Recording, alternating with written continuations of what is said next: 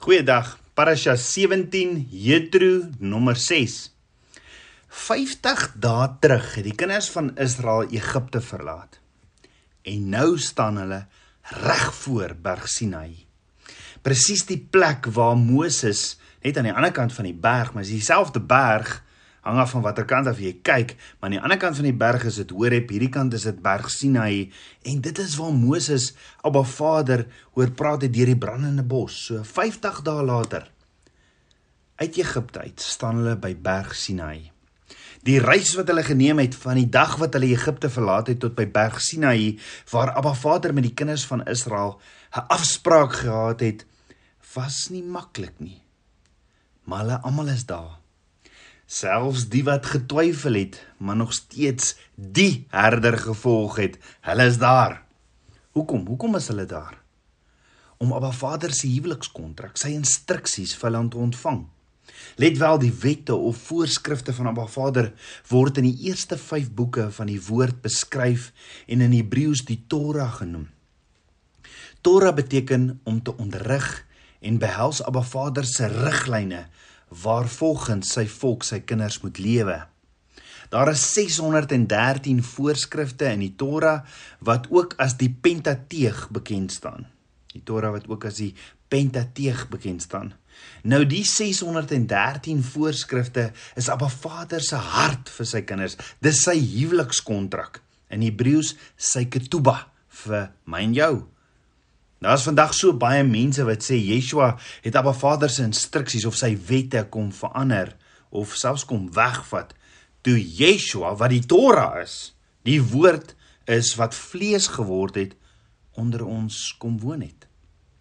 Nee, Yeshua self sê in Matteus 5 vers 17, moenie dink dat ek gekom het om die wet of die profete te ontbind nie. Ek het nie gekom om te ontbind nie, maar om te vervul.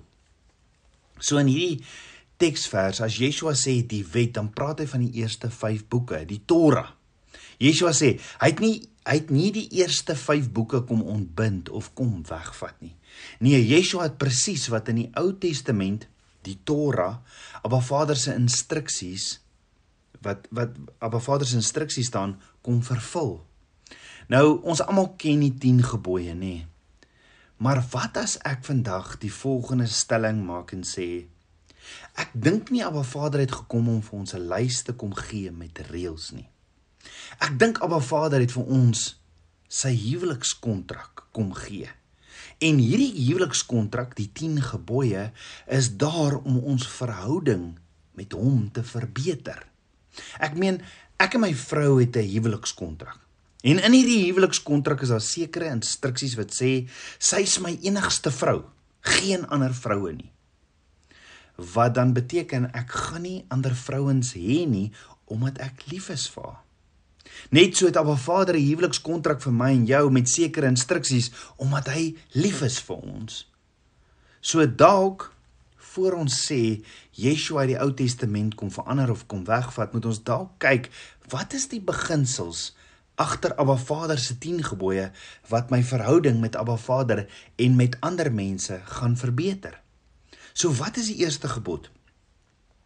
Ons kry die 10 gebooie in Eksodus 20 hier by Berg Sinai en dan noem Moses hulle weer in Deuteronomium 5. Hy noem dit weer vir die kinders van Israel. Dit hy, hy lees dit voor vir hulle voor hulle die beloofde land intrek. Maar in Eksodus 20 vers 3 staan: Jy mag geen ander gode voor my aangesig hê nie, sê Abba. Met ander woorde Abba Vader sê geen ander gode nie. Maar dink gou daaroor. Wat is die beginsel van die eerste gebod? Is dit nie dalk prioriteite nie? Ek meen as jy vir 'n meisie lief is en die meisie weet nie mooi of is nie seker van watter persoon sy hou nie. Gaan dit mos nie lank vat voor jy vir haar gaan sê of gaan jy mos nie een of ander tyd vir haar jy gaan mos een of ander tyd vir haar sê make up your mind is dit nie? Jy sien hier is die ding Abba Vader se wet sy gebooie of sy huwelikskontrak gaan alles oor verhouding. Ons weet en ons moet weet Abba Vader is 'n God van verhoudings. Abba Vader het Adam en Eva geskape vir 'n verhouding met hom Abba Vader het ook die kinders van Israel verlos uit Egipte as gevolg van 'n verhouding. Net so Abba Vader het ons verlos deur die bloed van die lam omdat Abba Vader 'n verhouding met my en jou wil hê. Abba Vader gee vir Moses die 10 gebooie en hy herinner Moses en die hele volk dat alles gaan oor 'n verhouding met hom en met ander.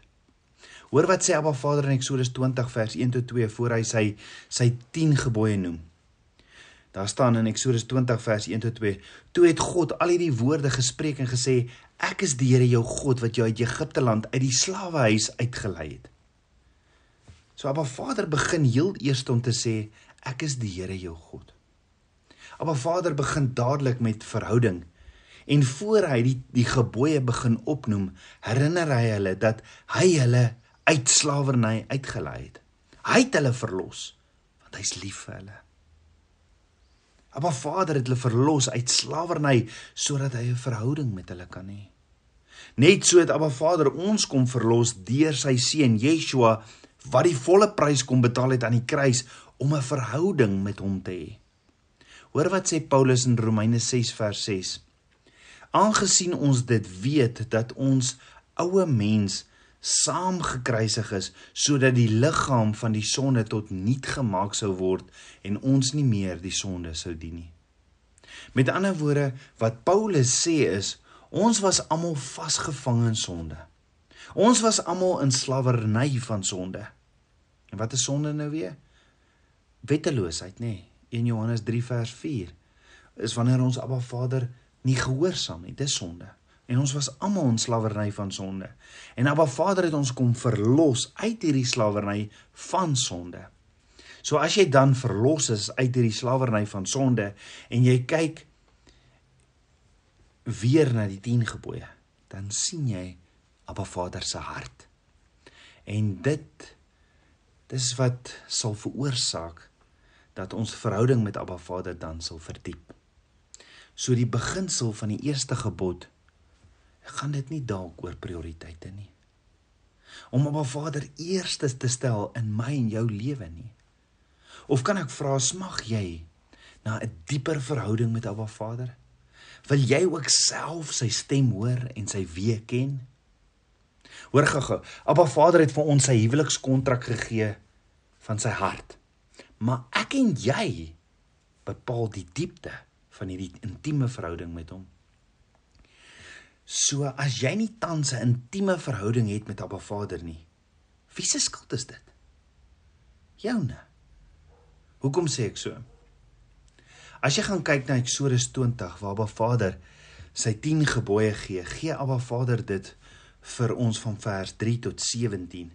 Maar kyk gou wat sê Abba Vader dadelik nadat hy sy 10 gebooie vir Moses gegee het in Eksodus 20 vers 18 tot 20. En toe die hele volk die donderslae en die blitse en die geluid van die bassein en die rokende berg bemerk, het die volk dit gesien en gebewe en op 'n afstand bly staan. En hulle het vir Moses gesê: "Spreek u met ons dat ons kan luister, maar laat God nie met ons spreek nie, anders sterwe ons." Sjoe. Maar Vader lei sy hele volk, verlos hulle van slawerny en hoor wat sê vers 20 tot 21. Toe antwoord Moses die volk: Wees nie bevrees nie, want God het gekom om julle te beproef en dat sy vrees voor julle oë mag wees sodat julle nie sondig nie. So die volk dan toe op 'n afstand gebly staan, maar Moses het nader gegaan en die wolk don donderheid waar God was ingegaan. Met ander woorde Moses is die enigste een. Moses het besluit hy soek 'n dieper verhouding met Abba Vader en nader toe vir Abba Vader. Jakobus sê in Jakobus 4 vers 8: Nader tot God en hy sal jou nader. Reinig die hande julle sondaars en suiwer die harte julle dubbelhartiges. So as Abba Vader, as ons Abba Vader nader, sal hy ons nader.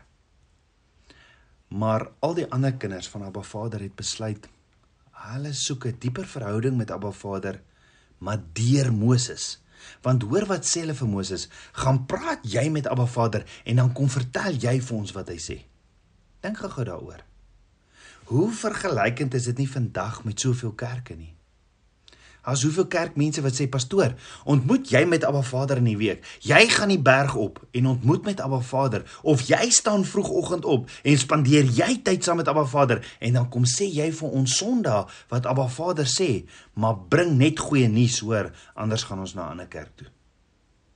Maar die rede hoekom die Israeliete vir Moses sê hy moet dit doen is want hulle sê want anders gaan ons doodgaan.